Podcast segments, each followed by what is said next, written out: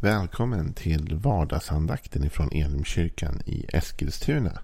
Jag heter Joel Backman och är pastor i Elimkyrkan.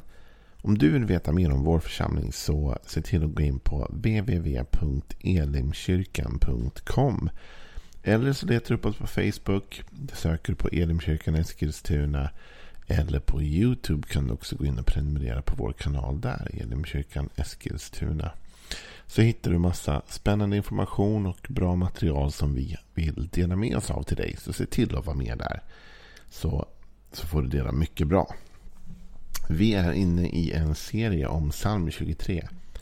Och eh, vi har kommit fram till den femte versen idag. Vilket är skönt. För det innebär att vi lämnar eh, den mörka dalen bakom oss lite grann. Dödsskuggans dal. Som i och för sig är en del av vår vandring, vår livsvandring. Även om vi följer herden så kommer vi komma in i en del svåra utmanande passager.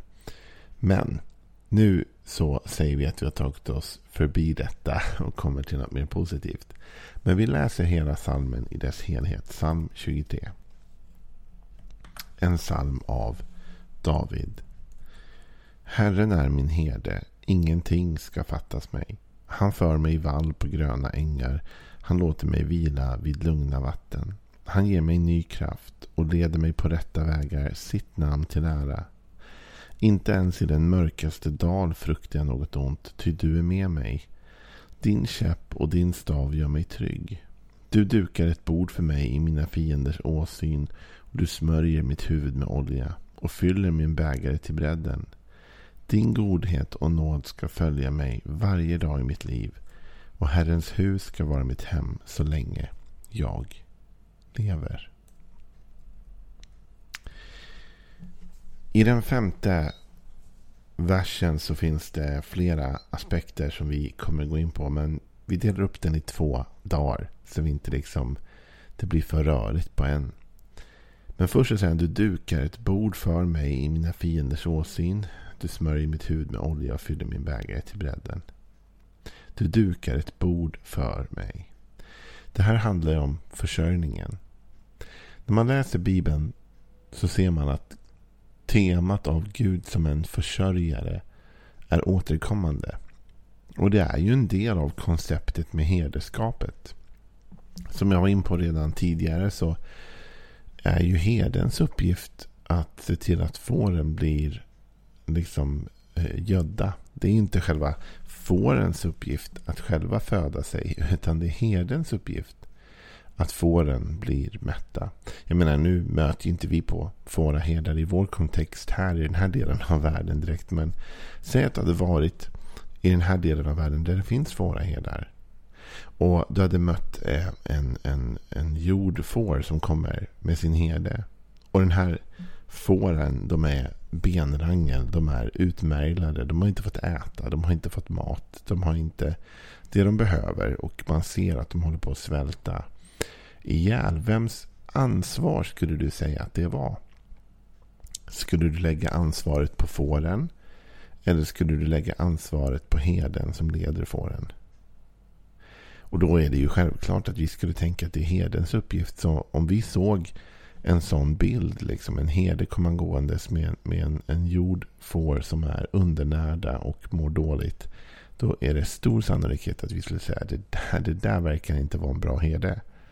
Alltså han tar inte hand om sin flock. Han uppenbarligen har inte liksom sett till att de har fått äta. Han har inte lett dem till något matställen. Liksom. Och då är det underförstått att i tanken av herdeskap ligger också försörjning ligger också det att man tar hand om behoven som fåren har. Och herre, David säger Herren är min herde. Och hela salmen börjar ju faktiskt med det behovet kan man säga i centrum. Va? För David säger Herren är min herde. Ingenting ska fattas mig. Med andra ord, på grund av att jag har en herde som är god så vet jag att det kommer inte saknas mig någonting utan han kommer sörja för mina behov. Så David liksom lägger det ansvaret hos Herren. Det är Herrens ansvar att sörja för mina behov. Och då kan man ju fundera på om det alltid är så eller inte. Liksom. Då kan man fundera på, men Innebär det att jag som kristen per automatik då alltid har alla mina behov fyllda om jag följer, om jag liksom bara säger då att, att eh, Jesus är Herre, liksom, så helt plötsligt så, så har jag alla mina räkningar betalda och allt jag behöver är klart och liksom allt, allt bara fylls på. Men ändå vet vi att det är många kristna som inte kanske upplever att de alltid har allt de behöver. Man kan fundera på men vad är då rätt? Och vad är fel?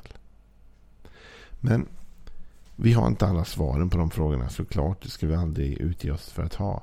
Men jag ska dela med dig någonting som har blivit en lärdom för mig.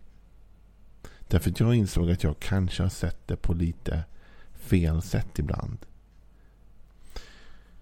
Jag är ju uppväxt i liksom väldigt eh, karismatiska miljöer. Och trivs också fortfarande väldigt bra i dem. Jag trivs kanske allra, allra bäst i dem. Där det är liksom väldigt mycket. Och eh, i de miljöerna är det inte ovanligt också att man liksom gärna talar om, om Bibeln som en kraftig auktoritet. Men också i bönen att man ber ut bibelord. Det finns liksom en, en tendens, en tanke av att jag kan be ut bibelord. Och det skulle jag faktiskt vilja uppmuntra dig som lyssnar idag. Det är en av de mest kraftfulla böner tror jag du kan be. Är när du ber ut Guds ord. Du ber ut hans löften. Du ber ut det han har lovat eller sagt. Ett exempel kan ju vara på det. liksom Att man ber. Men tack Gud för att du är med mig idag. Jag vet att du är min herde och att ingenting kommer saknas mig idag. Då har jag ju bett ut Guds eget ord. Man kan be utifrån vers 5. Tack Gud för att du är med mig idag. Tack för att du har dukat ett bord för mig. Tack för att du försörjer för mina behov. Och så vidare. En morgon så sitter jag på, på sängkanten. Och så ber jag ut mina bekännelser. Jag liksom har olika sådana här som jag rabblar av. Inte som någon magisk ramsa. Men jag har några som jag ändå du vet, återkommer till. Ehm, det är ett hjälp för mitt böneliv. Och då har jag en som är fantastisk. Och som jag hämtar ifrån ehm, eh, som jag hämtar ifrån andra Korinthierbrevet.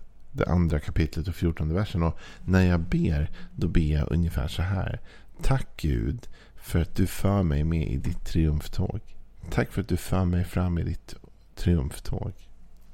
Och i andra Korinthierbrevet 2.14 så står just de orden. Det står så här. Gud vare tack som genom Kristus alltid för mig med i sitt triumftåg.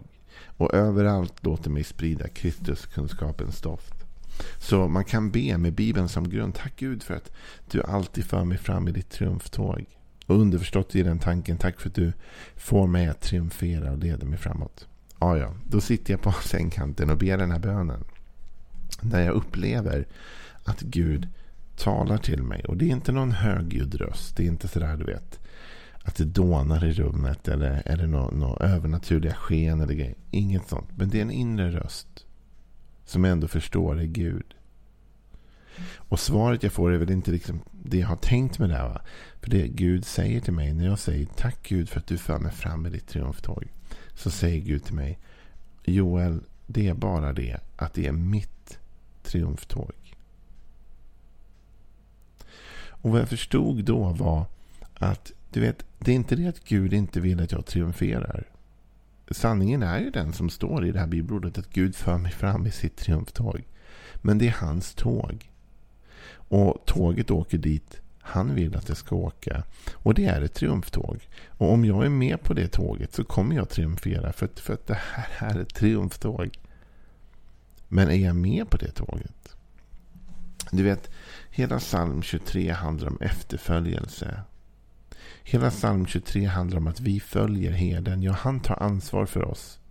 Det är han som möter våra behov. Det är han som leder oss till vatten där vi finner ro. Det är han som leder oss i dödsskuggans dal och samtidigt aktivt kämpar bort mot de hot som kommer. Men det är ändå liksom när vi följer honom. Vi följer honom. Vi följer hans väg. Jesus till och med om sig själv säger att han är vägen. Så dukar han ett bord. Och det här är så viktigt. För när jag insåg det där om triumftåget. Att det är inte mitt tåg som triumferar jämt. Utan det är hans tåg. Om jag sätter mig på hans tåg. Då kommer jag triumfera. Då är det knappt att jag behöver be om det. Utan om jag ser till att jag går på det tåget. Jesu triumftåg. då blir det triumf. Men allt för ofta vill jag ju ta mitt eget tåg och säga till Gud, du välsignar den här resan. Men Gud säger kanske, men Joel, jag har aldrig sagt att du ska resa dit. Eller jag har aldrig sagt att du ska göra det där. Och då kommer vi till detta dukade bord och inser en sak. Gud välsignar inte våra dukade bord. Utan Gud dukar ett bord för oss. För problemet för mig, och jag kan inte tala för dig, du kanske är superduktig på det här. Du kanske har kommit mil före mig i andlig utveckling vad gäller de här bitarna. Men du vet, jag kan fortfarande brottas med typ att jag vill duka mitt eget bord. Och det innebär att jag vill sätta upp ingredienserna på mitt bord. Om man skulle då lägga fram det som livets bord. Då skulle man kunna säga att jag vill jobba med det här. Jag vill göra det här. Det här är det jag vill eh, syssla med nu. Här vill jag bo. Det här ska jag liksom göra med mina pengar. Det här bla bla bla. bla. Jag gör upp en massa massa planer. Och sen när jag gjort alla de planerna. Då säger jag till Gud. Välsigna detta bord. Då ber jag liksom min middagsvälsignelse över det bord som jag själv har dukat på det sätt som jag själv vill ha det. Men Gud har aldrig lovat att välsigna alla dina eller alla mina idéer. Eller alla dina eller alla mina tankar om livet. Gud har aldrig sagt att det vi gör kommer vara välsignat. Han har sagt att han dukar ett bord för oss. Och det är klart, det bord han dukar det är ju per automatik välsignat. För allt Gud gör är välsignat. Och när jag börjar inse det, då inser jag kanske att okej, okay, jag får kanske ibland välja bort mina egna tankar. Min egen plan, min egen idé om hur livet ska vara. För att jag följer heden nu. Men det positiva med det är att då tänker folk, att då måste jag offra mitt eget. Nej men, vänta nu. Du kanske får offra ditt eget, men du kliver på ett triumftåg. Du kliver på hans triumftåg och han kommer att leda dig till ett dukat bord med en bägare som vi ska se sen flödar över till och med, inte bara fylls. Och det är intressant va? Eh, därför att vi, vi, vi har ju tendensen att vi ofta vill göra det själva. Men det finns ett problem med det. Och det är att vi inte alltid är så starka som vi tror. Då och då inser vi att vi har brister och svagheter i vårt liv. Då och då inser vi att vi kan inte själva. En av de största herdeberättelserna i Bibeln kan man väl nästan säga. Det är ju såklart när Gud leder sitt folk ut ur Egypten genom öknen in i det förlovade landet. Och perioden mellan Egypten och det förlovade landet är en tuff period. Omständigheterna är inte de bästa och Israels folk kämpar med försörjning, kämpar med att ha det man behöver då på ett sätt. Och faktum är att själva kan de inte försörja för sig själva. Alltså de har inte det de behöver i öknen. De har brist.